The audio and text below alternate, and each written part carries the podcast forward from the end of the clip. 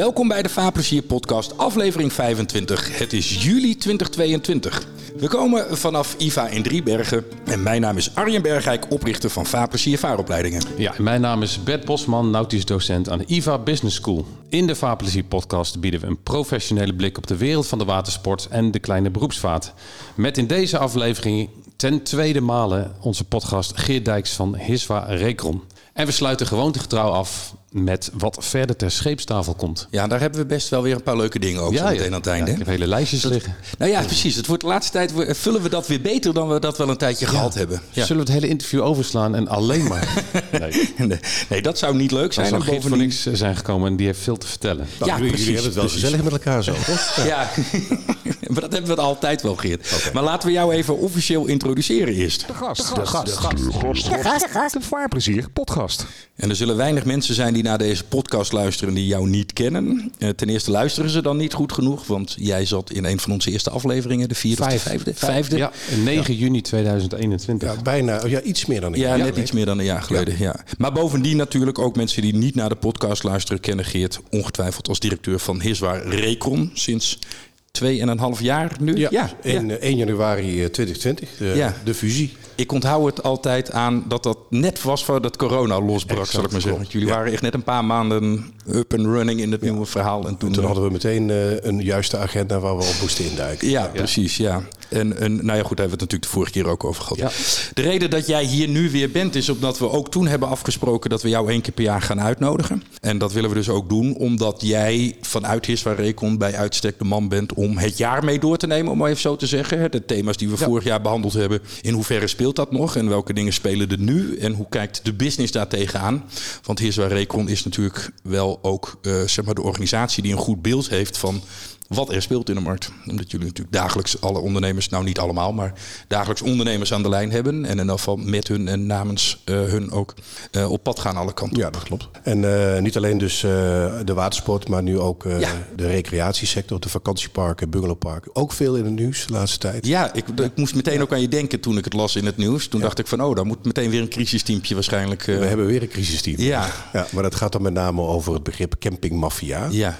En uh, daar zitten we inmiddels diep in, in die zin dat het uh, betreft met name transacties van particulieren op bedrijven. Ja. En het zijn met name bedrijven die wat afgezakt zijn naar, uh, naar bewoonde parken. En dat moet niet verwacht worden met de familiebedrijven waar mensen een weekje of twee of drie komen. Nee. Dat, dat, is duidelijk. En als er al zulke malversaties zijn in die kring, dan zullen we ook maatregelen nemen. Nee, ik hoorde jou bij op één, hoorde ik jou daar ook over zeggen. Het is eigenlijk op het moment dat mensen lid zijn bij Hiswa Recon, mag je er eigenlijk, dat soort organisaties, mag je er eigenlijk al van uitgaan dat het echte verhuurders zijn ja. die voor vakantiepark gevoel zorgen. Ja, ze moeten zich ook onderwerpen aan afspraken en regels. Hè. Ja. En uh, dat, is, uh, dat, dat, betekent dus dat ze ook, uh, ook voor een geschillencommissie kunnen komen te staan. En dat is allemaal veel open, heel openbaar en transparant. Dus bedrijven die dat niet willen, die kiezen daar zelf voor. Ja, ja en voor dat programma op één, ja, er was geen woordvoerder van de campingmafia, want die hebben ze niet kunnen vinden. Dus dan nodigen ze mij maar uit. Ja. Heeft dat heel veel toegevoegde waarde voor de leden dat jij op dat moment in zo'n programma kunt zeggen: ja, maar wacht even voordat we met z'n allen over één kam geschoren worden? Ja, ik representeer een hele grote groep leden. Uh, je mag er dan ook vanuit gaan dat ik de waarheid spreek. Ja, ik ben een onafhankelijke woordvoerder. Ik heb zelf geen bedrijf. Dus uh, wat dat betreft is dat een, uh, helpt dat gewoon in de communicatie. En het is natuurlijk een, een dossier wat, wat ja, eigenlijk heel belangrijk is. De meeste burgemeesters hebben als toponderwerp staan ondermijning in de volle breedte. En ook de pleziervaart heeft ermee te maken. En daar hebben we al heel veel ervaring mee met dat dossier. Dus wat dat betreft zitten we er goed in. Nou, laten we daar dan meteen eens even een beetje op ja. doorgaan. Want ik hoorde je daar vorig jaar ook uh, tijdens de METS op het jachtwerf, uh, jachthavensymposium. Ja. Hoorde ik je daar wat over zeggen. Wat is de stand van zaken daar? Wat gebeurt daar in dat dossier? Nou, in ieder geval is het ministerie van Justitie ervan overtuigd dat uh, een vorm van registratie van pleziervaartuigen noodzakelijk is om transparantie te krijgen in de markt. En dan gaat het om zeg maar, de koppelen van de, van de eigenaar van de boot aan een onuitwisbaar identiek nummer. Uh, overigens, die discussie komt ook in de verkoop van chalets. Hè, dus dat zijn dan roerende goederen die uh, op wielen stonden of staan, en dan, maar die wel verkocht worden. Uh, ook onderhands. En waar ook wat ja, de behoefte is om wat meer controle op te krijgen. Dus dat is eigenlijk een algemene tendens dat het ministerie van Justitie heel, heel veel maatregelen gaat treffen om transparantie te krijgen. Eén daarvan is ook het DOR-DOL-dossier. dat betekent dat mensen die spullen kopen, bijvoorbeeld een pleziervaartuig overnemen, bijvoorbeeld inruilertje, als iemand een jacht koopt en een inruiler heeft, dan moet de opkoper, in dit geval de jachtwerf, die moet zich inschrijven in een register, dat die spullen opkoopt van een particulier. En hij moet ook alle elektronica, alle codes die erop staan, alle barcodes, alles moet hij invoeren in systemen. En dat is hartstikke veel werk. Daar maken we ook al bezwaar tegen. Het is niet eh, meer proportioneel. Uh, de hoeveelheid werk die dat oplevert, ja, dat kost zoveel tijd dat het uh, eigenlijk helemaal niet rendabel is. En wij vragen ons af wat het nut daarvan is. Dus elke keer gaan we natuurlijk terug naar justitie van, is dit nou wel nuttig? Wat bereik je daarmee? En uh, waarom tref je zo'n grote groep bedrijven, terwijl er in de praktijk niet zoveel gebeurt? Maar dit dossier is heel groot. Dat is bij alle burgemeesters groot, bij justitie groot. En justitie is echt aan het praten met andere ministeries om mee te helpen. Dus ook infrastructuur en waterstaat, die daar ook een rol in heeft. Ja, en registratie van de uh, jachten, dat gaat vanaf 2,5 meter tot, tot superjachten? Of? Ja, dat, dat is nog niet uitgekristalliseerd. We hebben natuurlijk wel wat registratie kadastraal. We hebben ook uh, zeg maar natuurlijk de, de snelle motorboten die een uh, registratie ja. hebben. Dat is niet per definitie een eigendomsbewijs. Dus uh, daar wordt wel aan gewerkt. Dus het, uh, zeg maar, een beetje via het Rijksdienst voor het wegverkeerssysteem, daar wordt dus aan gewerkt. Uh, wij zijn als industrie daar niet op tegen. Mits het betaalbaar is. het heeft ook enige waarde, want je kan dan aantonen dat je eigenaar bent. Want als ik een poot van een particulier koop, weet ik niet zeker of die persoon eigenaar is. Hè? Ja. Dus dat kan ook heel veel transparantie voor de klant geven. Dus het heeft voordelen, het heeft ook nadelen, want het kost waarschijnlijk wel wat geld. En je moet waarschijnlijk daar toch een heffing voor gaan betalen. Ja, en die afweging moeten we maken de heffing op? Nou ja, als je iets invoert, een, ja. uh, dan, dan, kost zo'n zo document kost gewoon geld. Ja. We willen dat wel digitaal dan. Uh, liefst, maar dan ook een koppeling dat als je al een marifoon-inschrijving uh, hebt bij Telecom, dat dat ook gekoppeld wordt aan dat bewijs. Als je een vaarbewijs hebt gehaald, dat het meteen daar ontsloten wordt. Misschien zelfs CWO-diploma's, zodat je je eigen paspoort van je boot en je persoon kan ja. koppelen. Ja.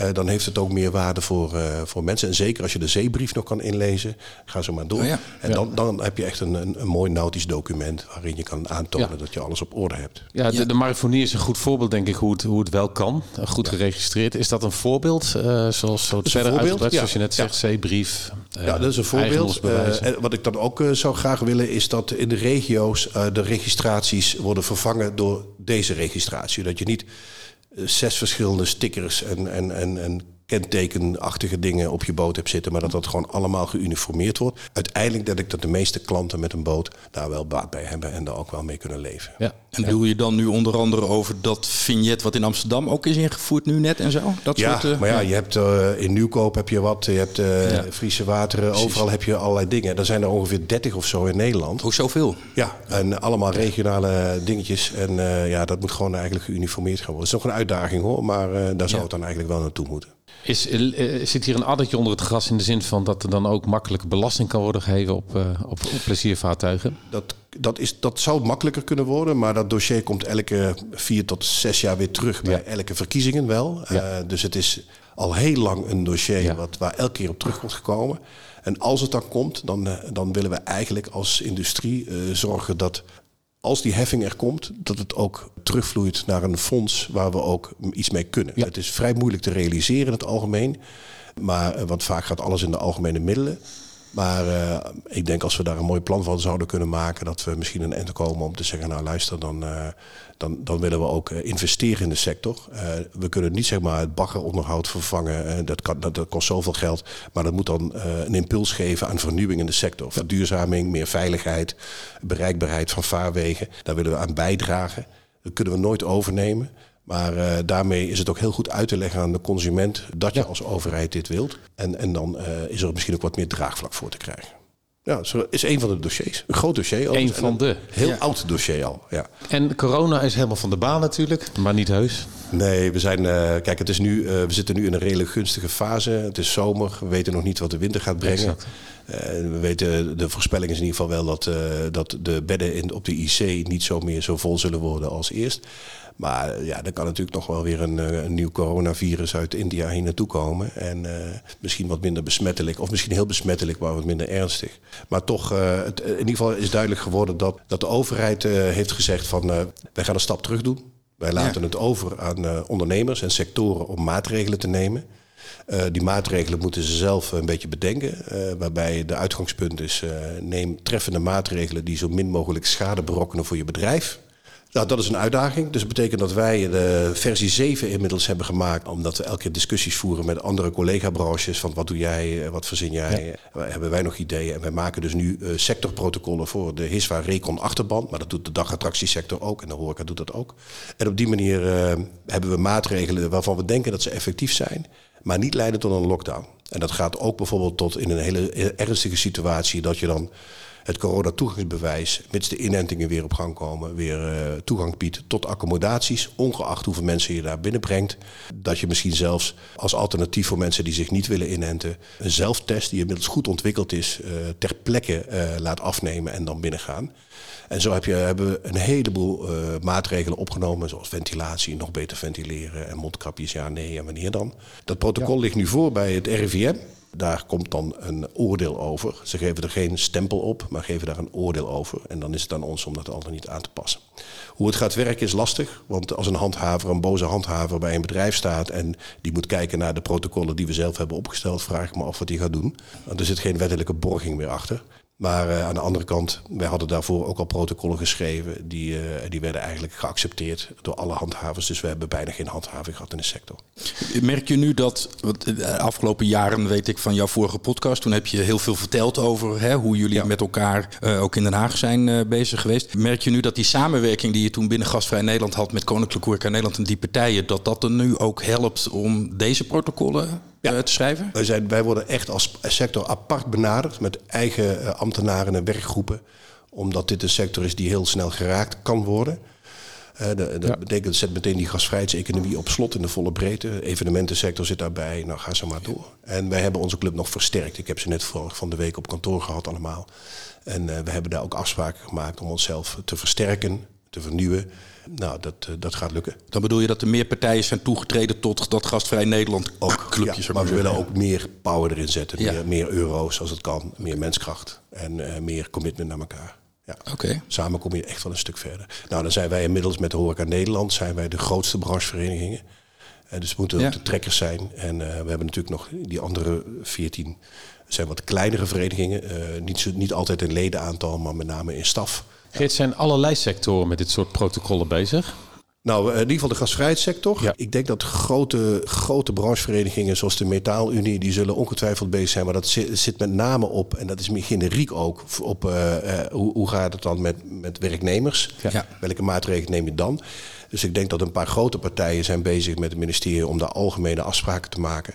Uh, maar wij hebben wel een heel specifiek veld. Want ja. ontv wij ontvangen mensen op exact. het bedrijf. Dat is natuurlijk een ander verhaal. Ja, ja, exact. Dat was geen initiatief van de overheid, of was het wel een verzoek van de overheid? Maar het is in handen van de verenigingen. Van de... De, de overheid heeft gevraagd, in dit geval dus uh, Volksgezondheid, uh, dat aan economische zaken om dat op te pakken en samen met de sectoren uh, te bouwen. Ja. Uh, het framework is gemaakt door het ministerie. Van, dit, zo denken we er ongeveer over. Vullen jullie het nou in voor jullie sectoren? Dus uh, ik hoor heel binnenkort of dat uh, goed is. En dan wordt die ook openbaar gemaakt. Ja. Dus voor iedereen. Nou, laten we ervan uitgaan, uh, een beetje op hopen dat het allemaal licht blijft. Weet je wat er nu gebeurt? Hè? Laten we het een beetje, het is nu juli. We zijn als het goed is net over de hoogtepunt heen van wat zij dan de corona-piek noemden hè, in de afgelopen periode. Ja. Laten we hopen dat het zo blijft. Ik heb best wel wat mensen in mijn omgeving overigens meegemaakt die nog even een paar dagen thuis ja. geweest zijn. Ja. Maar, maar, je merkt inderdaad wel dat het relatief beperkt blijft, de gevolgen. Ja. Dus, nou, ja, nou, ik merk wel, de overheid zit heel sterk om meer ventileren. Dat is dan blijkbaar een hele effectieve maatregel. Ik denk dat we, dat we ja, ik hoop er maar op dat het uh, allemaal met de sisser afloopt. Ja. En, uh, kijk, en waar, waar bedrijven zich zorgen om maken is met name personeelstekort is er al. Ja. En, dat, en dat is ook de verantwoordelijkheid van die werkgever. En daar geven wij ook heel veel informatie over aan onze leden.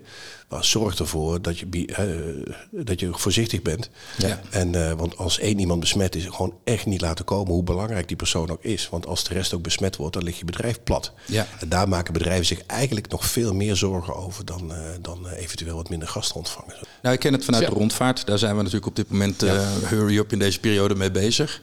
Schipperstekort all over the place, net zoals in alle andere sectoren. Maar inderdaad, schipper coronaklachten meteen thuis blijven. Dan maar even een paar boten minder actief op die dag. Ik wil dat werkgelegenheidsverhaal, daar wil ik graag zo met je over door. Want daar gebeurt natuurlijk ook heel veel meer. Maar even de andere kant, want we hebben corona gehad de afgelopen twee jaar. Dat heeft behalve heel veel nadelige gevolgen voor ja, de hele wereld, voor de watersport ook wel één positief ding opgeleverd. En dat is dat veel mensen met watersport in aanraking zijn gekomen, omdat ze niet naar het buitenland gingen. Heb jij een beeld van hoe dat er nu bij staat? Nu, zeg maar, Schiphol, zij het enigszins beperkt, toch weer open is? Nou, het is een beetje mixed feelings. We hebben natuurlijk, uh, dat blijkt ook uit onderzoek van Waterrecreatie in Nederland, het Nationaal Watersportonderzoek, hebben, zijn er 15% nieuwkomers uh, bijgekomen. Mensen die daarvoor het water niet opgingen tijdens corona. Oké. 15. 15 procent en uh, 7 procent herentreders, zeg maar, die het vroeger gedaan hebben, een beetje vergeten zijn en die zijn weer het water opgegaan. Bovenop die 15 procent? Naast die vijf. Dus bij elkaar. Ja, precies. Uh, je mag het op 22% nieuwe mensen. Exact, exact. Ja, dat is best veel. Uh, aan de andere kant uh, zijn er ook veel boten verkocht tijdens corona. En dat zijn natuurlijk allemaal die nieuwkomers voor een deel. We zien nu dat, die, uh, dat de havens dus bijna vol liggen. Het is niet helemaal vol. We, hebben, we hadden voor, voor, corona, nou eigenlijk een jaar of acht, negen geleden... zaten er al 85% bezetting in de havens in Nederland. En we zitten nu op... Uh, 95 eh, procent, dat is een flinke stijging. En die 5 procent, dat heet dan ook een beetje frictieleegstand. Dat heb je nodig voor passanten of mensen zijn even weg eh, en dan komt een nieuwe weer. Ja. Dus eigenlijk is het nagenoeg vol. Eh, er zijn ongeveer nog 5000 plekken vrij, verspreid over Nederland, denken wij. Okay. Maar natuurlijk niet bij jou in de buurt. Hè. Dus als je nou een sloep hebt en je wilt in de Randstad je boot voor de deur leggen vlakbij. Ja. ja. en dan is, dan is een Lelystad een plek toevallig. Ja, dat is natuurlijk wel ver weg. Maar dit propageerde jij vorige podcast sowieso om allerlei vaargebieden te, te, te ontdekken. Ja. precies. Ja, en daarnaast, bedoel, een sloep kan je natuurlijk ook als het moet op een trailer zetten, tijdelijk op de kant en dan na een jaartje is er een plek. Dus eh, daar liggen niet echt grote problemen. Het is een kleine ruimtelijke rem, zeg maar, hè, nog even. Maar ik merk zelf persoonlijk, en daar hebben we nog geen cijfers over, maar die komen vast wel, dat... Uh, en ik geloof Arjen in het voorgesprek kwam er ook mee. Dat, dat, er, dat er ontzettend te weinig mensen op het water zitten. Ik zit zelf dan op het uh, IJmeer, Markenmeer, een beetje IJsselmeer. Ik vind het wel erg rustig. Ja, nou, ik was daar, prachtig weer is. Ik was daar afgelopen vrijdag. Ik moest een van onze lesboten van Harderwijk naar Amsterdam varen. Ik had een weekje vrij.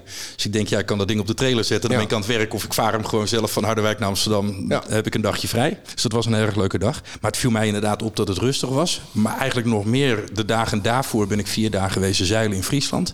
Uh, vanuit Heeg, ja. uh, Sneek, Langweer, die hoek. Uh, het viel me ook op dat in de haven van Langweer toch echt een populaire en terecht, want een prachtige haven vlak aan het dorpje en een geweldige havenmeester. Waar het normaal gesproken altijd erg druk is, dat het hier toch best rustig was. En ik heb geen cijfers, ik heb wel aan hem gevraagd. Ik zal Enkhuizens bellen. Dat is zo'n zo'n zo'n pitstop waar je altijd even langs moet. En, met ontzettend veel passanten. Ik denk dat ik Enkhuizen gewoon eens ga bellen wat zij, wat zij meemaken. En, en de Waddeneilanden zijn natuurlijk altijd interessant om te kijken hoe dat gaat. Zullen we dat live doen? Gaan nu, nu even bellen.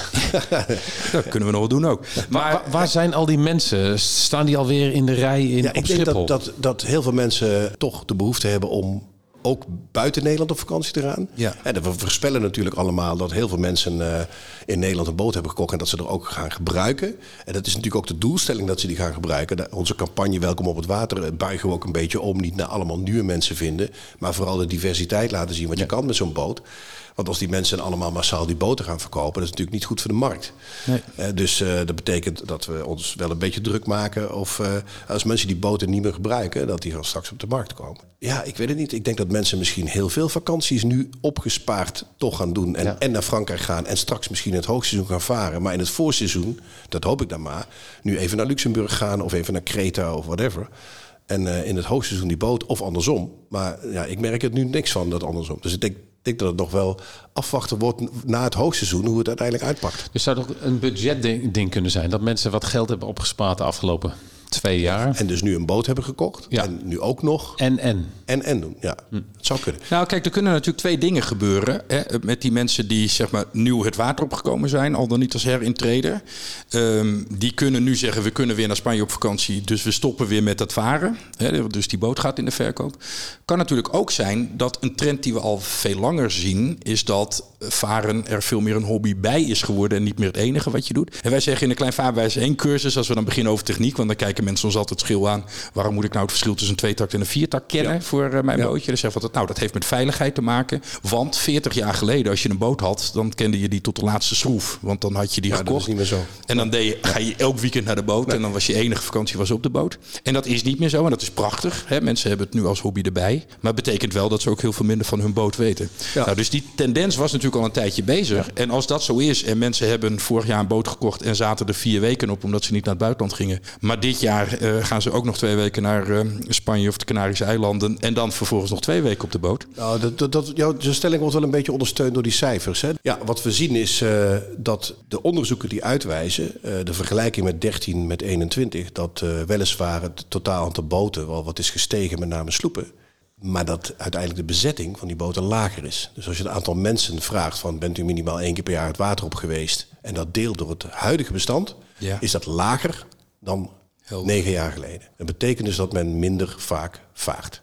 En dat is een algemene trend. Het interessante is, is dat een sloep is gebouwd om, om met grotere gezelschap in feite te gaan varen. Hè, qua zit. Nou, hoeft niet. Maar als je een sloep van acht meter, dan kun je zo tien man op kwijt. Ik zit op een aantal van die Facebookgroepen. Maar het zijn dus juist, daar zitten dus heel veel mensen in die uh, juist om zes uur s avonds, weet je wel, ja, even gauw een paar ja. boterhammen smeren ja, en hup nog even een paar uur het water op. Zeker. Ja, klopt het grote voordeel van het uh, zeilen zonder zorgen abonnement. Zonder dat ik daar echt reclame voor wil maken. Maar dat is als je in zo'n abonnement zit en je hoeft niet te huren. Dat je nog heel snel zegt om zes uur. Jongens, het is prachtig weer. We pakken nog even een zeilbootje mee. We gaan nog even een paar uurtjes. Wat ik zelf heb overigens, als we dan toch voeren, met de museumjaarkaart. Ik heb een museumjaarkaart en uiteindelijk weet ik niet of die uit kan voor me. Of ik hem nou echt terugverdien. Maar ik werk regelmatig in Amsterdam. En wat ik zeker in de tijd toen ik nog fulltime in de rondvaart zat deed. Was gewoon af en toe even een uurtje het Rijksmuseum inlopen. Want ik heb zelf altijd dat ik na een paar uur in een museum gewoon echt vol zit. Maar ja, dan heb je wel 20 euro entree betaald, dus dan blijf je toch hangen. Ja. En nu zeg je, ja, ik hoef niet apart af te rekenen. Dus ik loop even naar binnen. Ik geniet even van een paar mooie schilderijen. En ik ga over een paar weken weer. Ja. Dit hadden wij met de Rotterdam pas toen de jongens nog klein waren. Ja. En even een uurtje naar Blijdorp. Dat doe, je, dat doe je niet als je de normale intreeprijs betaalt. Exact. Maar dat is dus het voordeel van zo'n abonnementsmodel. En dus ook het hebben van een eigen sloep is feitelijk een soort abonnementsmodel op je eigen sloep. En als die dan inderdaad ja, dan niet te ver uit de buurt ligt, hè, dat is dan wel weer het voordeel. Maar ik las laatst ook in datzelfde onderzoek dat het, en dat was veel hoger dan ik dacht, de hoeveelheid mensen die de boot aan huis hebben. Ja, dat zijn er wat 40, 50.000 ja. ongeveer. Ja. ja. Ja. dat, is, dat was tien jaar geleden ook ongeveer zo. Oké. Okay, en dan... Steedsma heeft toen destijds ook grote onderzoeken gedaan. En dat zat ook ongeveer in de buurt. Maar dat, uh, dat, dat, zijn er veel.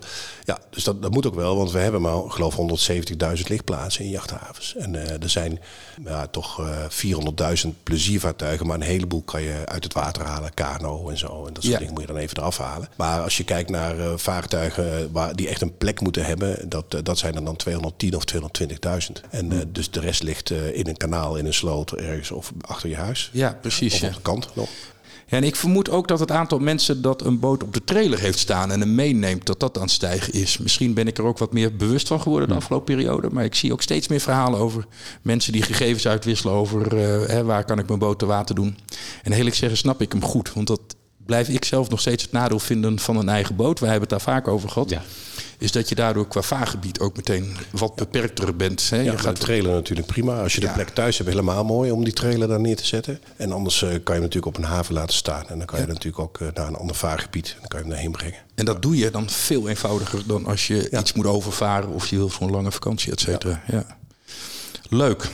Um, laten we eens even gaan kijken naar de arbeidsmarkt. Want het is in de wereld op dit moment in Nederland met name, maar ook in een aantal andere landen hebben we een arbeidsmarkt-issue. Mensen eh, zijn er erg mee geconfronteerd met bijvoorbeeld Schiphol, die niet voldoende beveiligers en uh, incheckers en bagageafhandelaars had, waardoor mensen lang in de rij moesten. Maar eigenlijk geldt het wel voor elke business dat mensen tekort komen. Ik ken restauranteigenaren die zeven dagen in de week open waren en nu vijf dagen in de week open zijn. Simpelweg omdat ze te weinig koks hebben. Hoe staat dat ervoor in de watersport? Schreeuwend tekort. Ja. ja. Zowel aan de commerciële kant, dus voor IVA van belang natuurlijk. Dat, soort, uh, dat soort studenten die komen vast goed aan de bak. En, uh, en ook, vooral ook aan de technische kant. Dus uh, daar is nog veel te winnen. En ja. daar is de watersport, de maritieme sector, niet meteen in beeld. Zeker niet aan die technische kant. Dus dat is, dat is een grote uitdaging. Ja, daar zijn we natuurlijk ook mee bezig. De, de leden vragen er ook steeds meer om. Uh, en dat, dat hangt natuurlijk samen. Het is een heel pakket aan maatregelen. En op de eerste plaats hebben we een CAO voor de jachtbouw. Uh, dat betekent dat we daar onderhandelen ook met de vakbonden over, over de prijzen, de, de inflatiecorrecties en de, de, uiteindelijk ook de uurtarieven. Maar we hebben het ook over, over de problematiek van de arbeidsmarkt. Ehm, dus well, we hebben nu in de CEO ook een soort opleidingsbudget afgesproken met elkaar. We gaan ook nog verder. we hebben ook sociale fondsen kunnen vrijspelen. Er komt ook geld vrij binnen zo'n CAO. Waar we echt grote campagnes mee kunnen gaan voeren op het gebied van arbeidsmarktbranding. Er zitten nu, we hebben nu drie mensen op kantoor die ermee bezig zijn. Eentje fulltime in de recreatie, maar ook een beetje watersport pak ze erbij. we hebben eentje die zit fulltime aan de watersport-jachtbouwkant. En we hebben nog een senior die, die een stukje, een delen van die onderwerpen ook nog oppakt. Dus we zetten er wel volop in. Wat we, we zijn natuurlijk begonnen om de vacaturebank te bouwen, zodat bedrijven vacature gratis kunnen plaatsen op onze site. Heeft inmiddels best een hoop bereik. Ja. Uh, we willen dat verder gaan uitbouwen, zoveel mogelijk. Uh, we gaan uh, met name werken aan de infrastructuur in het onderwijsland. Dat is heel belangrijk. Dat, dat zijn ongeveer, ik geloof zo'n 800 VMBO of 1100 VMBO-opleidingen in Nederland. Maar daar zit niet het thema maritiem of watersport, komt daar niet zomaar in voor. Uh, dus dat wel, wel algemene techniek of elektrotechniek of iets werktuigbouwkunde, maar niet uh, de maritieme sector. Dus we starten binnenkort een pilot op 150 scholen. Daar hebben we al overeenkomsten mee gemaakt.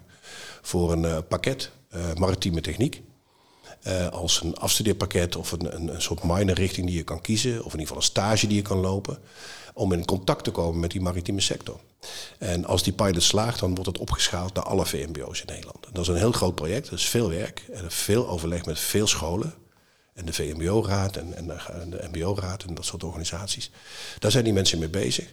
Uh, als dat slaagt, dus wel lange termijn, dat duurt twee, drie jaar, dan, uh, dan hebben we het pakket in ieder geval in beeld.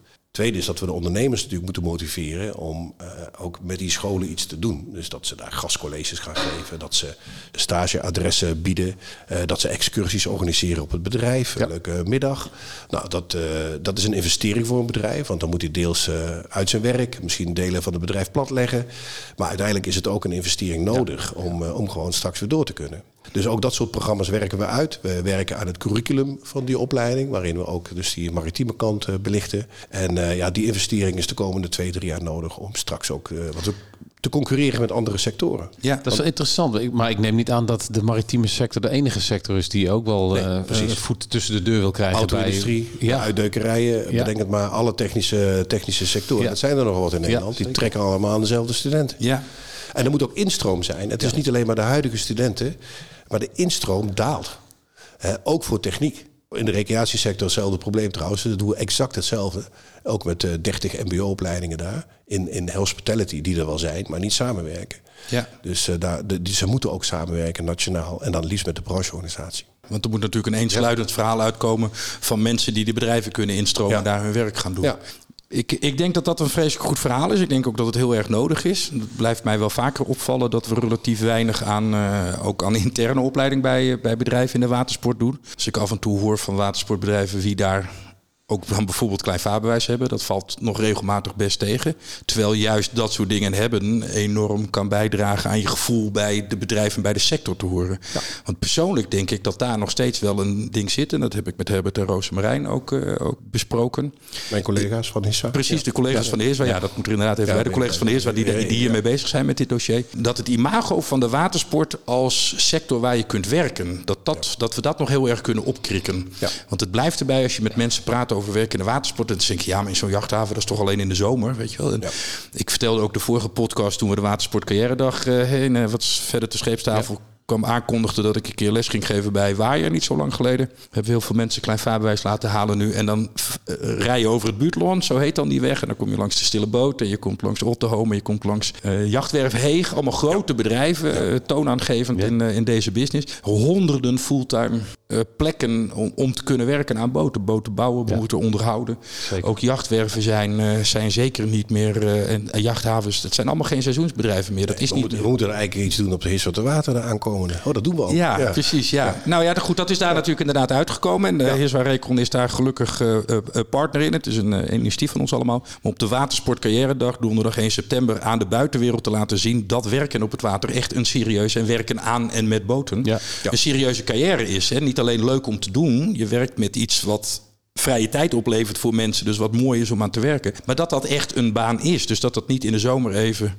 Nou, ik, ik, ik doe hem nog even één keertje gewoon in de herhaling. Hè, wat ik riep toen ik op de zeilschool les gaf. De Veenhoop in Friesland toen ik 18 was. En twee instructeurs zeiden dat ze de bruine vloot ingingen hè, als schipper. En dat mensen zeiden, oh je gaat nog even een paar jaar... Ja. Nee, ik word schipper op zo'n boot. Ja, een paar jaar. Daarna zoek je een echte baan. Ja. Nee, ik, word, ik ga schipper worden. Ik ga, ja, dat in de zomer twee maanden. Weet je, dat gevoel, dat blijft toch nog wel heel vaak in de buitenwereld hangen. En ik denk dus, en het, daarom is het prachtig dat de heer Zwarekel nu ook fondsen en mensen heeft om hiermee aan de gang te gaan. Want ik denk dat we met name dat beeld met z'n allen uh, naar buiten moeten brengen. Dat dat anders is dan mensen op verjaardagen denken. En dat we dan vervolgens meteen ook een hele mooie positie hebben, mits de opleidingen goed georganiseerd zijn. Nou, daar zijn jullie ook druk mee bezig. Dat mensen dus ook inderdaad zeggen, hé, hey, maar dit is een serieuze carrière. Dit is leuk om te doen. Ik hou van varen. Waarom ga ik, als ik dan toch timmerman word, dan wil ik dan ook graag timmerman op boten worden. De sector is natuurlijk ook best heel veelzijdig ook zeker bij een jachtbouw. Je kan, uh, jachtbouw kan je alle kanten op. Ja. En het is een, uh, je komt alles tegen. Ja. Het is uh, elektronica en ontwerp en hout en metaal en bedenk het maar. Ja. Het is wel belangrijk dat de ondernemers goed nadenken over hun beloningsbeleid. En, en ook als ze nog de hm. CAO niet volgen, dat wel doen. En, want daar zit ook een pensioenregeling aan. Hm. En dat is voor de jongeren niet het meest belangrijke. Maar de ouders van die jongeren die vragen daar zeker naar. Die jongeren ja, komen niet alleen solliciteren. Hè die ouders zijn heel belangrijk in de besluitvorming. En die kijken mee naar de secundaire arbeidsvoorwaarden. En, ja. Ja, ja. Dus let daarop, dat is een tip. Ja, nou precies. Hoe deden wij dat vroeger? Ging, namen we ook onze ouders mee op sollicitatiegesprekken? Ja, niet mee, denk ik. Nee, toch? Nee, maar ze nee, kijken wel, mee. Als je dan een mailtje gehad hebt. Nee, maar dus, het concept, contract wel het goed gelezen thuis. Ja, klopt. Ik heb het net nog aan de hand Dat doe ik ook nog bij mijn uh, kinderen. Ja, ja, ik ook. Ja. Precies, en dan, wil ik, dan voeg ik daar dus als tip aan toe aan die ondernemers om met name te laten merken hoe weinig seizoensafhankelijk het is. Zeker als je het hebt over de banen waar we het net over hadden, de technische banen. Dat dat echt gewoon year-round banen zijn en niet alleen in de zomer even een paar motoren nou repareren van bootjes die dat. zijn. En als je geïnteresseerd bent in de hele energietransitie, dan zit je in de watersport ook nou, fantastisch. Uh, zeg dat. Ik heb zelf ook heel veel vacatures. Ik krijg ze ook niet zo makkelijk vervuld. Ik zoek een uh, soort marketing branding uh, manager oh ja. op hoog niveau. Wellicht binnenkort een junior online content manager ja, die, eh, die is dan, we zoeken nog uh, ja, wat ondersteuning hier en daar in de organisatie. Dus als iemand luistert en misschien interesse heeft, dan uh, is en, en niet uh, zeg maar, weggaat bij een bestaand HISWA-lid. Ja, nee, precies. Want dat moet dan is die van altijd welkom. Nee, precies. Ja. Ga eens even kijken of we deze podcast ook op andere plekken dan in watersportgebieden kunnen neerzetten. En dan tegen mensen zeggen: Kom, ja, kom, deze, kom deze kant op. Ja. Nou, maar ik denk dus dat we met elkaar wel ook die kant op moeten. Om, om, om te laten zien hoe mooi het is om in deze business te werken. En dat dat ook gewoon fulltime kan. Ja, die gasvrijheidseconomie, zei 1 op de 13 Nederlands werkt daarin. Ja. En het, je hebt met 90 miljard omzet, hè? dat is gewoon ja, uh, groter dan de landbouw ja. en uh, groter dan de bouwsector. Dus dat is wel. Uh, inderdaad. het zijn dus heel veel kleine bedrijven bij elkaar. Ja, die versnippering heb je vorige keer goed beschreven. Dat, dat, je, dat je daarin wil uh, samensmeden. Als vrije tijd je werk is. Ja, Geert, wat is er nog meer belangrijk volgens Heerswaar Recon de komende periode waar we met z'n allen naar moeten kijken? Nou, er komen heel veel wetten en regels aan. De overheid is echt een inhaalslag aan het maken om uh, wat is blijven liggen, deels tijdens corona. Oké. Want de debatten gingen daar alleen maar over bijna. Uh, komt nu ineens komen er allerlei maatregelen die dus uh, ondernemers kunnen raken. Het is niet helemaal allemaal heel sexy hoor, maar let op, de, het gaat met name om uh, dingen die de jachtbouw ook aangaan. We, als je kijkt naar de brexit en de gevolgen daarvan, die ja. klinken steeds meer door. Dus de, de Engelsen hebben een eigen systeem van niet de RCD, want die gebruiken de Europese regels niet meer. Dus die hebben andere codes gekregen. De Engelsen die mogen niet meer dan 90 dagen in Nederland verblijven. Dat was vroeger 180 of meer. het is nu, valt nu buiten Europa. Dus uh, dat betekent dat Engelse bootbezitters uh, vertrekken uh, met hun, en hun boot misschien weghalen uit Nederland. Want dat zijn pensionado's die goed besteden, normaal. En er zijn er echt wel een paar duizend, vijf, zesduizend Engelsen die hier een boot hebben liggen. Het zijn big spenders en ja. ja. die trekken hun boot ja. naar Engeland terug. Nou, we hebben natuurlijk uh, Oekraïne, Rusland en het niet mogen leveren aan Russen. Nou, dat raakt ook een aantal, uh, niet alleen superjachtbouwers, maar ook mid-sized uh, jachtbouwers. Die hebben toch een aantal klanten in, in de kant van Rusland. Meestal kunnen die boten wel weer verkocht worden aan een ander. En dan geeft de opdrachtgever wel weer opdracht later om hm. alsnog een boot te bestellen. Dus die wachten gewoon af brengt wel veel met zich mee. Nou, ik had het al over het opkopen van uh, spullen en de administratie die daarmee uh, gemoeid gaat, die, Ja. uh, die wetgeving. Nou, we zijn natuurlijk heel druk bezig, constant met de toeristenbelasting. In Zaandam hadden we hadden de gedachte om 7 euro per persoon per nacht in te voeren. Nou, met vier man op een bootje van 10 meter kom je dan op 28 euro. En het lichtplaats is eh, waarschijnlijk voor 10 meter misschien zo'n eh, 20, 22 euro. En dan komt er 28 euro toeristenbelasting bij. Dan komt die BTW nog eh, erbij. Nou, dat betekent dat je gewoon 60%, eh, nou, bij- bijna 60% belasting betaalt over, eh, over die euro. Nou, het is in ieder geval gelukt om dat van de baan te krijgen. En nu heffen ze geen toeristenbelasting meer, heb ik begrepen. Dus dat is mooi. Helemaal niet meer. Nee. Dus eh, ja, zo zie je maar. Ehm, nou, en wat ook een belangrijk onderwerp we gaan natuurlijk duurzaam bouwen. Hè. Er komen eh, ook meer elektrische sloepen. Er zijn heel veel ontwikkelingen. Jullie hebben ook eh, gasten gehad op dat vlak in deze show, meerdere trouwens. Alleen er is wel een discussie met verzekeraars en het stallen van boten met een accu binnen. Eh, spontane zelfontbranding. Dat speelt trouwens ook in de recreatie. Want we hebben ook buitensportbedrijven die hebben massa's van die elektrische scooters. Oh ja. En die staan ook binnen. Ah, ja. Daar hebben ze dezelfde discussie. Dus we zitten ook met dezelfde verzekeraars aan tafel over hetzelfde onderwerp voor de recreatie. Als de pleziervaart. Wat kan wel, wat kan niet. Want als je sloep niet meer binnen kan stallen met een accu, dat is wel een issue. Ja, één accu is natuurlijk inderdaad niet zo'n probleem. Maar een, een beetje fatsoenlijke elektrische sloep, daar zit meer dan één accu in. Ja. En als je die er dus inderdaad allemaal uit moet gaan halen voor de winter, dan, eh, dan is dat natuurlijk een ander verhaal. Ja. Ja, dus eh, nou ja, zo zijn er ontzettend veel onderwerpen op wetgevingsvlak waar we ons mee bezighouden. Het is eigenlijk te veel om op te noemen, maar eh, ja, de- we moeten er wel eh, op reageren. Want anders eh, raakt het de sector in negatieve zin. Is het bij jullie ook zo dat, eh, want de overheid werd dus door corona in beslag genomen en kwam aan deze dingen niet toe? Dat gold eigenlijk natuurlijk voor jullie precies hetzelfde als, als Hiswa Recon, dat jullie ook door corona. Dus jullie gaan nu ook wel weer de tijd hebben, omdat corona minder tijd in beslag neemt, om dan op Nee, deze zaken die, weer te reageren. dat is eigenlijk een reguliere taak. Hè. Lobby hebben belangenbehartiging. Er komt ook veel meer informatie naar je toe dan vroeger. Dat heeft ook te maken met digitalisering van de overheid. Je kan sneller communiceren. eh, alles staat online. Je kan online reageren. Ja, als je dat, dat dossier opent, overheid en wetten, dan, eh, dan schrik je waar je allemaal op af eh, moet springen. Ja. Maar het is wel nodig, want eh, er staan soms hele rare dingen, teksten in, die gewoon indirect of direct de sector kunnen raken. En die moet je stem wel laten horen, want anders eh, wordt het niet meegenomen. Je noemde net eh, spullen, regelgeving daaromtrent. Eh, hoe, heb jij een zicht op de supply chain? Het, het, het, het spullen qua... of het überhaupt beschikbaar is en prijzen? Van, Nee, ja, voor nou ja, weet je wel. Hè, we, hebben, we doen regelmatig die conjunctuurmetingen. Ja. Eh, daar komen ook eh, allerlei uitkomsten uit. Nou, we zien in ieder geval dat, eh, dat er dat personeelstekort, dat hebben we al geconstateerd. Eh materialentekort komt daar ook zeker uit. Het betekent dat er heel veel bedrijven zijn die echt twee problemen hebben. Ik geloof dat in al eerdere podcasts is dat ook al voorbij gekomen. Uh, Linse gaf dat volgens mij duidelijk aan.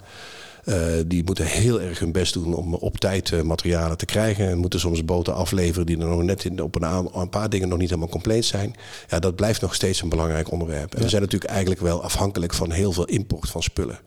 Uh, dus het, eigenlijk, daarom is ook Europa begonnen, Made in Europe. Proberen gewoon zelf in Europa zoveel mogelijk zelfvoorzienend te zijn op het gebied van chips en unieke materialen. Uh, om minder afhankelijk te zijn van uh, andere continenten. En dan ben je minder kwetsbaar. Nou, met de oorlog van Oekraïne, uh, de afhankelijkheid van Rusland, uh, deze problematiek van toelevering van materialen van het buitenland, leidt tot een enorme impuls en versnelling binnen Europa en ook binnen Nederland. Ja. Om te zorgen dat we niet afhankelijk zijn. En dat is alleen maar goed. Als je ook nog doortrekt naar de technologie, dat je met 3D-print investering waarschijnlijk je eigen materialen heel veel kan maken. Dus technisch misschien, als chips is het misschien niet zo makkelijk, maar, maar wel uh, uh, onderdelen. Kan of printen. rompen, hele rompen. Dus, dus, ik heb ook laatst een oproep gedaan in een column van, uh, van Magazine, Hiswa Magazine, om met elkaar te zorgen dat we minder afhankelijk worden in de jachtbouw. misschien iets meer standaardisatie, want ja, je hebt als je de watersportwinkel ziet, rekken vol met allemaal hetzelfde spul, maar allemaal van net een ander schroefdraadje en net een ander dingetje. Ja, en, en, en, dat zelf in eigen hand wat meer nemen en misschien met 3D-print nog wat te kunnen betekenen. En dan uh, kunnen we misschien een slag maken. Maar dat is een groot probleem. Bedrijven hebben ook de prijzen moeten verhogen. 83 procent heeft, uh, nou, ongeveer 50, 60 procent van de, van de bedrijven heeft de prijzen verhoogd. Daarvan het grootste deel tot, tot 5 procent. Dat valt nog mee als je kijkt naar wat er gebeurt de afgelopen jaar. Maar dit is van het eindproduct? Of? Ja, van het eindproduct. Ja. ja van, van, de lichtplaats de of de bootverhuur ja, of, exact. of de boot. Ja. Een kleiner deel, toch nog wel 25 procent, is richting de tussen de 5 en de 10 procent stijging gegaan. En eh, ja, nou ja, eh, leden bellen ons vaak van ik durf geen offerte meer te maken. Want ik weet niet wat ik op moet schrijven. Want over Ja. twee jaar is dat spul misschien niet te verkrijgen of niet te betalen. Ja, klopt. En dat is natuurlijk wel een Ja, probleem. dit is precies wat Dennis Hennevanger vorig jaar al zei. Ja. Ja. Wat, wat, wat, wat moet ik nou rekenen voor een boot? Dat was toen Ja. 2021 voor een boot die ik verkoop in 2023. Ja. Nou, we hebben ook zeg maar een soort, dat heet een allonge gemaakt, een soort die je toe, kan- toe kan voegen aan de algemene voorwaarden, waarin je Ja. een clausule opneemt Ja. eh, dat, dat het allemaal onder voorbehoud is van. En dat is dus geen keiharde offerte meer, maar ja, dat, eh, dat is ook heel, heel eh, ingewikkeld om te maken. Geert, we zijn bijna aan het einde van de show. Dus we gaan nog even naar wat verder te scheepstafel komt. Daar hebben we je overigens nog gewoon bij nodig. Maar ik wil nog even aan jou vragen. Zie jij nog dingen in, laten we zeggen volgend jaar, 2023 gebeuren... ten opzichte van de afgelopen periode? Waarvan je zegt, nou, daar moeten we als branche moeten we daar rekening mee houden.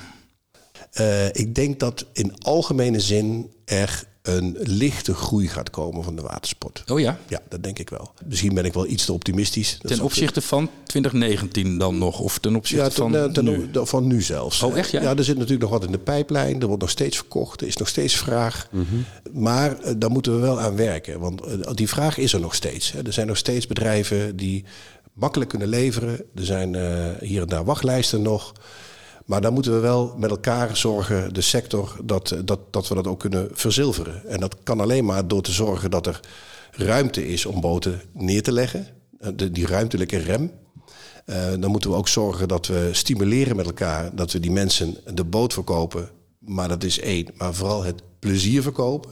Dat we die klanten ook uitleggen wat je allemaal kan doen met die boot. Dus niet hier heb je boot, succes en eh, fijn. En als er iets stuk is, dan hoor ik het wel. Maar we moeten die mensen meenemen op een reis van jongens, de komende jaren kun je dit allemaal doen. Eh, we moeten zorgen dat mensen een watersportcarrière gaan maken. Dus die kopen een sloep. Maar daarna wil je natuurlijk toch gewoon naar een waddeneiland. Dan ga je niet met een sloep naar een waddeneiland. Hoe kan dat dan? Ik denk dat we, en daar zullen wij ook ons best voor doen. eh, dat kunnen wij niet alleen. Dat zullen we samen met ondernemers moeten doen. Maar ook misschien met bijvoorbeeld het Nederlands Bureau voor Toerisme en Congressen. Die ook de opdracht heeft gekregen om ook het binnenlands toerisme toch wat meer te gaan promoten. Dan alleen maar buitenlanders naar Nederland halen. Want die, die, die druk van buiten en in de steden is te hoog vaak. Hè, zeker als alles weer losgaat. Nou, we zitten dus aan tafel met de minister om te kijken of er budgetten kunnen komen om vakantie in eigen land wat meer te promoten. Daar hoort watersport bij.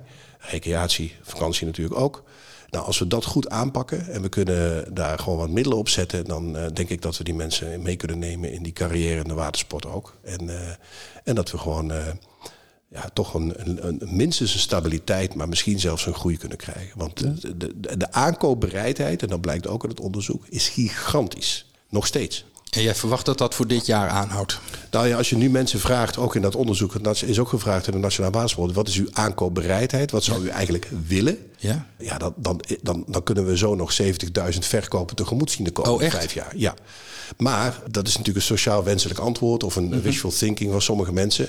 Maar al zou je er daar een deel van verzilveren, ja, dan, eh, dan Ja. kan die groeipotentie zit er wel. Mensen hebben het ook ontdekt. Ook die, die nieuwkomers hebben het ontdekt. En dit zijn niet allemaal mensen die een boot hebben gekocht, maar mensen die mee zijn gaan varen en voor het eerst het water op zijn gegaan. Ja. Dus ik denk die, die algemene campagne is welkom op het water. En we zullen met die serie eh, die we op tv hebben uitgebracht doorgaan. Oh ja. Wij Welkom op het Water TV, eh, vier uitzendingen dit jaar. Volgend jaar proberen we er naar zes te komen. In combinatie met eh, contacten met het Nederlands Bureau voor Toerisme voor binnenlands toerisme-stimulering. Als die ondernemers ook eh, zich, het, eh, zich realiseren dat ze de mensen eigenlijk verbonden moeten blijven houden aan het bedrijf. Maar niet alleen met die boot, maar ook wat ze allemaal kunnen met die boot. Nou, jongens, we zijn wel, we moeten richting wat verder te scheepstafel Ja. komt qua lengte van eh, de aflevering. En daar had jij nog wel weer een eh, nieuwtje, Bert. Ja, heel, heel leuk. Eh, Ik was als kerstvers jurylid van de Boot van het Jaar. eh, hadden we gisteravond notabene eh, de, de vergadering om van de, al de kandidaten die zijn aangedragen door Ja. juryleden zelf en door de branche. Hebben Ja. we een, een eh, shortlist, een kort lijst eh, gemaakt. Daar kwamen we behoorlijk goed uit. Heel interessant, leuke discussies, eh, levendig. Nou, secretaris Alex Hoeven die gaat onderzoeken of deze boten dan ook op de HISWA zijn, op de beurs HISWA te water. En dan kunnen wij, als zij daar arriveren, die boot ook zien en eventueel varen. En dan, eh, Dat zou toch wel mooi zijn dat ze er dat zijn. Ja. Exact. En dan, ehm, en dan wordt, dagelijks wordt er een, een, een vijf oeuvres wordt, eh, wordt de winnaar uitgeroepen. ja, gaan we in de podcast die we live gaan uitzenden vanaf de Heerswarte Water ook nog wel weer aandacht aan besteden. Wat was de website ook alweer, Bert, waar mensen meer informatie kunnen vinden? Boot van het jaar.nu. Jaar, punt nu. Prachtig. Als we het dan toch over de Heer Zwarte Water hebben. De Watersport Carrière Dag, we hadden hem net al inderdaad even genoemd. Nog even kort voor wie het gemist heeft. Eigenlijk zeggen we tegen alle standhouders op de Heer Zwarte Water... neem behalve je verkopers ook iemand van de HR-afdeling mee. Want we gaan heel Nederland uitnodigen om die dag te informeren... wat kun je als werk in de watersport doen. Uh, zowel op een boot, aan een boot, de, de boten bouwen, boten verhuren, repareren enzovoort. Alle carrière mogelijkheden die zijn. Technisch, commercieel, administratief, zelf varen. Want dat wordt ook nog wel eens over het hoofd gezien. Daar zijn natuurlijk ook echt mogelijkheden voor. Om dat bij elkaar te gaan doen. En de website watersportcarrièredag.nl zal rond 1 augustus uh, beschikbaar zijn. Daar kun je dan alles vinden over deze dag. Maar juist ook over alle andere dingen die de Hiswa Recon daar al doet. Dus bijvoorbeeld vind je er een paar vacatures met een grote verwijzing naar dan uh, de vacaturebank van de Hiswa zelf. Uh, je vindt er ook veel informatie over de opleidingen waar Hiswa Recon al bij betrokken is. En dat je ook op de website van hiswa.nl al kunt vinden. dus ja, juist... er volgens mij ook een vacaturebank neer waar ja, je kan zitten. Klopt. En uh, er komt ook een wand met allemaal vacatures ouderwets, hè, ja. waar je gewoon, uh, gewoon vacatures kan zien. En we gaan ja. nog iets met een viewer doen, denk ik. Dat je met een ouderwetse viewer ook vacatures kan bekijken. Ja. Maar goed, dus uh, dat wordt... Ja, dat is wat de vereniging dan in, zeg maar, als stand op de beurs precies. ook inderdaad doet. Ja, dat gaan we dan en, en daarnaast op die donderdag komt er een heel programma op het Theater aan het Water. De podcast gaat die dag over carrière mogelijkheden. Maar er komt een begin en een slotdebat. En we gaan die dag helemaal insteken op hoe kun je werken op aan het water. Mooi. Geert, enorm dankjewel dat je er was en dat je weer een inzicht gegeven hebt in uh, wat er op watersportgebied uh, uh, aan de zakelijke kant, zou ik maar zeggen, aan de organisatorische kant, de bedrijfsmatige kant te verwachten valt. We gaan elkaar allemaal natuurlijk weer erg uitgebreid spreken op de Heer Zwarte Water. Wat heb ik daar een zin in? Ja, ik ook. Ja. Want ik was, we waren ook als standhouder op de bootshow Hollandse Plas onlangs. erg leuk georganiseerd door ja. het, het, initiatief van Bart Campus en Bernard Menke. En het is zo lekker om weer met andere standhouders en met publiek over stijgers te lopen en weer bezig te zijn met het van dat prachtige vak dat we toch Ik heb alle dagen geblokt en uh, ik heb ja. heel veel evenementjes organiseer ik. En uh, probeer ook uh, de besluitvormers in de watersport ja. binnen te halen. Politici, ja. Kamerleden. Dus dat wordt, wordt een leuk feestje. Ja, nou, ja Alex Hoeven liet een plattegrond zien. Nou, dat is veelbelovend. Echt een volle bak letterlijk. Ja, ja, mooi is dat. Ja. Mooi. Tot zover deze aflevering van de Vapensier podcast. Je kunt de voorgaande afleveringen terugvinden in je eigen favoriete podcast-app of op www.vapensier.nl slash podcast. Ja, en heb je vragen, suggesties, opmerkingen of verbeteringen of wil je iets anders kwijt? Mail ons op podcast.vaarplezier.nl de Vaarplezier podcast is een initiatief van Vaarplezier Vaaropleidingen met medewerking van IVA Business School. Voor nu hartelijk dank. Zijn naam is Bert Bosman. En zijn naam is Arjen Bergeijk. Tot de volgende Vaarplezier podcast.